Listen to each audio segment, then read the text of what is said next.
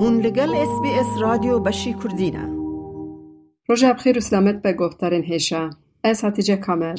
از جورا لسر گشدان گرینگ ایوی هفته و راپورت ج آمده پیشکش بکم. دو بیست مهیدا لناوچه خلفتی آروحای د دما داخویانیه که لسر گورا سیاستوانک هدپ پارلمنتر روحای ای پارتیا چپین کسک عمر اوجالان راست زختن جندرمیان هاته. عمر اوجالان روژا یکشمی ده سالوگر آیات کرن آره ببری HDP ای خلفتی بوزو یلماز ده لسر گوراوی لسر مرناوی ده آخوی لی دم آخفتناوی ده جندرمه مداخله کر آخفتنای قد کر گل کسن لگورستان این دور اوجالان ده سسر کرن بوزو یلماز لگرتی گه جنخوشینا گران مربو Ömer Öcalan di gotara xwe de got dewlet kujerê Yilmaz e. Öcalan gotina xwe temam nekiribû cenderme bi nava girseyê ket, hemiyan desteser kir. Li pêş kameraya dest neda Ömer Öcalan lê HDP di daxuyaniya xwe ya nivîskî de ragihand ku parlamenterê wan bi darê zorê birine qereqolê di gel kesên di bîralînê de amade bûne. HDP midaxaleya li ser parlamenter bi daxuyaniyên hevdemî li bajaran şermezar kir. Li Amedê rêveberiya HDP û Partiya Çepên Kesk li meydana deriyê Çiyê bûn. Anîn ziman dema dortê parlamenterên Kurdan ne polîs ne leşker goh nadin zirxa parastina parlamenteran û dubendiyek hê di navbera parlamenterên Kurd û ên Türk de. Parlamenterên Partiya Çepên Kesk li Amedê preskonferansek cuda da anîn ziman ev helwest nîşan dide ku bi çi armancî nêzî gerê Kurd dibin. Keskîn bayindir parlamenterê Batmanê ای پارتیاچه پنج کس که ویژی وها بحثا زختن لسرهد پکرج یعنی تز زانی که ام جلی خورب هر آوای هم بری ده به قانونیه هم بری ظلم ظلم زورداری ام سری نت وینه و ابر روش بروش بلند بده مثلا نت نه سر پارلمانتره میرو سر جوان جوان این کرد جلی این کرد براسیج ابر ایریش ابر ظلم زورداری گرتن بین چاکرین ایریش دجواری بخداری هر آوای بر فرد بده دخواست پیامکی استند است دستلاتری آکیپن محبی û zihniyeta dewleta Tirkiye dixwaze peyamekî bide civakê civaka Kurd. Ev jî bi van êrişa bi van dîmena dixwaze tirsî û xofekî bêxe nav gel ku gel hemberî ji bo mafê xwe ji bo daxwazê xwe ji bo azadiya xwe kad û kolan vala bike û park xwe paş va bikişîne lê gelê Kurd gelekî wihanî li hemberî zilm û zordariyê got gav paş de bavêje ev gelekî wisanîne bi salan bi deh salan li hemberî zilm û zordariyê bi dehan desthilatdariyê bi êrişên tundî li ser gel سر سیاست ما سر ری حواله ما پارلمانتری ما ایریشا دکرین ایرو لهوری خویاناکن لی دستلاتریا که پم هپ پشکریا ذهنیت دولت اکریجی دگره دخوازه سر سیاست ما سر پارتی ما سر گله ما و پولیتیکای خو مشروع بکه لی ند گله کردن ند مدا ام تکس ام یا قبول نکن ام ئەمێ لە هەمبەری بێ تەکۆشیناخوا و بەرخواداناخوا ژی بلند بکن لە گۆری دەستورە بنگەهین زرخە پاراستنا پارلەمەنتەران هەیە هەتا ئەوما ji aliyê parlamentoyê ji destê wan neyîsendin li goriyaseyan ne polîs ne jî leşker nikarin destê xwe bidine parlamenteran û ew deste ser bikin êrişê wan bikin. Bi rewşên bi vî rengê de ew polîs û leşker li gorî qanûnan tên ceza kirin niha jî em berê xwe bidine geşedanek cuda Hêjayê bîrxistnê ku di sala du hezar û hejdeyan de di hejdê tebaxê de cara duyê destan ser şaredariyên HDP. Di hilbijartina xwecihê a du hezar û nozdeyan de HDP şêst û pênc şaredariyan bi dest xistibûn lê hevdê tebaxê de heman salê de biryara Wezareta Karê Navxwe kayyum dabûn ser şaredariyên HDP ku ji şêst û pênc şaredariyan neha tenê şeş navçe û bajarok di destê HDP de mane. Di salvegera tayînkirina qayyuman de di wê heftê de HDP li dijî qayyuman gelek çalakiyan kir. Roja salvegerê de endamên tevgera jina azad li dijî qayyuman li Amedê kom bûn û pêşî xwestin li pêşiya şaredariya Amedê daxuyaniyek bidin. Lê wekî her carê ev polîs dora şaredariyê girtibû û destûrê neda. Hêjayê gotine ku du hezar hejdeyan de dema şaredarê Amedê Selçuk Mizraqli ji ser kar sendibûn, bi pêşengiya wê li kolana li hember şaredariyê sê mehan çalakiya rûniştinê lar. Jinên ku li dijî qayyuman kom bûn piştî astenkirina polîsan çûn vê kolanê û daxuyaniya xwe li wê derê dan. Di nav girsa jinan de hevseroka Partiya Çepên Kesk Çîdem Pîlçkin û çar jî li wê derê amade bû û destnîşan kir di heyema hilbijartinê de hikûmetê û AKP dest bi propagandaya qayyuman kiriye û armanca wan jî amûrê wan jî diyar e. Wê got lê qayûm ji me krîza rêveberiya dewletê ye, krîza siyasiya desthilatî ye. Kiliçkun û çar îfade kir ku heta pirsgirêka Kurd şareser nebe, ev mijar wê bibe krîza hemî desthilatiyên Tirkiyeyê.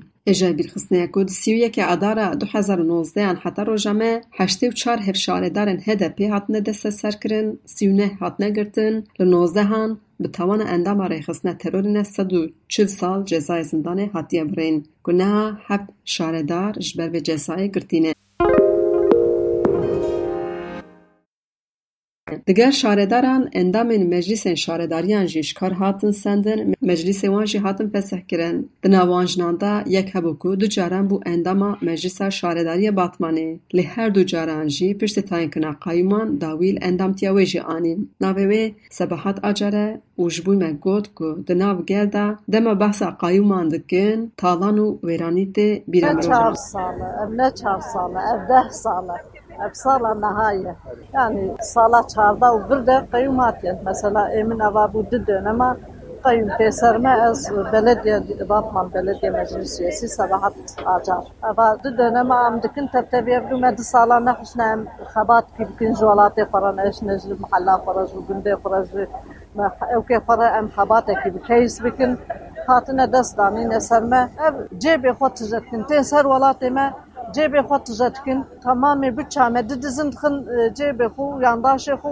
û hevalê xwe o diçin hizmetkî nakin hizmet gaya wan ne hizmet e gaya wan hizmet e wê mîna me pişna serî ku em ji welatê xwe ji milletê xwe re bikêr bin îşekî bikin welatê xwe rabikin milletê xwe rabikin me ew ka wan ne ew e ka wan diziye talan e خرابیه آوه از بید بیجن چاوا میدان شارداری ج هدف را هتا گرتن. 4 سالن جبر چالاکیا. مالبات کو زارک یوان چونه نا پکک او جوی یکی هدف سوجدار کن هدف اج اواهی اخویا امدی محروم مای نکاره دی اواهی بکار بینه. جبر کو 140 مالبات فل پیش اواهی هدف کندانینه. اف در بویا وان.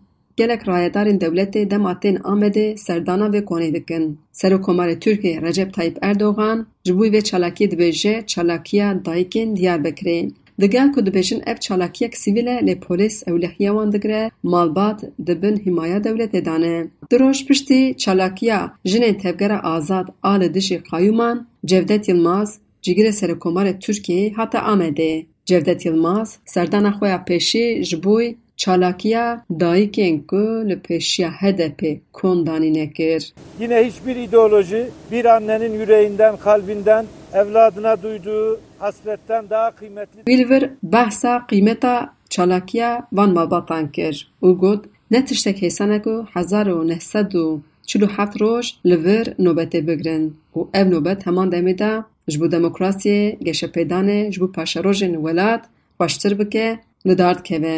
Wî got ew bawer dikin ku di encama vê çalakiyê de wê daxwaza dilê dayikan bi ser bikeve û destnîşan kir ji çil û neh bajaran malbat li vê nobetê dane û di encama tekoşîna wan de jî zarokên çil û çar dayikan vegeriyane malê xwe. Yılmaz piştî vê serdanê çû civînek cida ku navê wê Hevdîtinên Diyarbekirê bû. Li wê derê jî li ser şaredariyan gotarek pêşkêş kir. Wî got du cure şaredarî hene û wiha dewam kir. Bir tanesi belediyeyi halka hizmet etmek için belediyecilik yapanlar. Yek ji bo xizmeta gelê, adin jî ji bo armancên takekesê an jî îdeolojiya weka amûrekî dibînin. Şaredariya ji bo navdar bibin, bikartînin. Wî îdia kir ku hin şaredar ji bo navdar bibin, şaredariyan bikartînin yan jî ji bo îdeolojiya xwe îdeolojiya rêxistina xwe bikartînin. Cîgirê Serokkomarê Tirkiyeyê destnîşan kir, AK Partî tu caran şaredariyan ji bo armancên cuda bikarnaniye tekana armanca wan jî xizmeta gele û şaredariyek ji dil û pak e. Wî behsa şaredariyên CHP jî kir û bi nav nekir lê got li metropolan partiyên cuda hene û dibînin hin şaredar ji xeynê şaredartî her tiştî dikin. û çavekî din şaredariyê dinêrin, شارەداریەوە کە ئامور بکارتێنن و ئارمانچی وانە جودا هەنە و خزمەتە گەلشی نەخەماوانێ سەرۆکی بەرەیە بەڕۆیە ئامەدێ ئەحمەد ئۆزمان لە چارچوبەیە حقوقیدا gotara Cevdet Yılmaz Mirhan mehevî dikir iktidar tişkî wab bêje. Du bêjî ki êdin ev qayyum ev olê radin. Yani irada gel çibe irada sindokê çibe demokrasî çi bêje hilbijartin ki nîşan bide kî rê bide ew ê. Ji vî münasebeta belediyara hizmet bikin. Lazım gotina ku bahata kirin ev bu. Lemi kavin gotina ku hat kirin ve partin ve ku embejin menfaata ku şahsi re. Ya jihine kem bejin terokin belediya ya jihine êku wek din sindoqê derketin wek menfaeta menfaeta xwe şexsî re ev ya ew belediye dixebitin ya jî wek em bêjin îdeolojîk dixebitînin. Du sal du hilbijartine du hezar û şazda vir de li herema me hemû bajaran hemû navçeyan qayûm tên tayin kirin. Ya walînê ya xusûsen tên tayin kirin. دعوی کو سروکا جی سروکین بلدیه شارداری جی دوستی wan holene em kış zanin basın dibine gel dibine siyaset dibine hukuknas dibinin iddiayı ki var tüne em bejin ki ya tekeli ki örgütte ya verde ya ve de ya da bu mana ideolojik çiye jî gerek lazım kış be AK Parti jî em bejin MHP jî em bêjin HDP jî tevê partiyan. Bir ser îdeolojîk ji xwe dixebitin yani nerînekî wanî polîtîk heyî nerînekî wanî siyaset heyî armancekî wanî siyasî heyî û vê gavê paşdavêjin lazim ev iktidar bibêje marta pêşiya me de şeş meşûn hilbijartin heye. Sindoqê kî derê ew ê wê çîkê îdare bike ki qayyûm jî ya duda gerek vê deqê dev şvê xebatê dev jê berdin û destnîşan kir ku Cevdet Yılmaz li gorî postê xwe hewce bû ku bêje qayyûm ne li gorî yasayan e û divê şaredarê hemî girtî bi lezûbez werin berdan. Ez Hatice Kamer û vê raportê ji we re ji Amedê ragihand. دەتەوێت بابەتی دیکەی وەک ئەمە ببیستی؟ گۆڕایرە لەسەر ئەپ و پۆدکاست گوگل پۆدکاست سپۆتفاای یان لە هەر کوێیەک پۆدکاستەکانت بەدەستدەێنیت.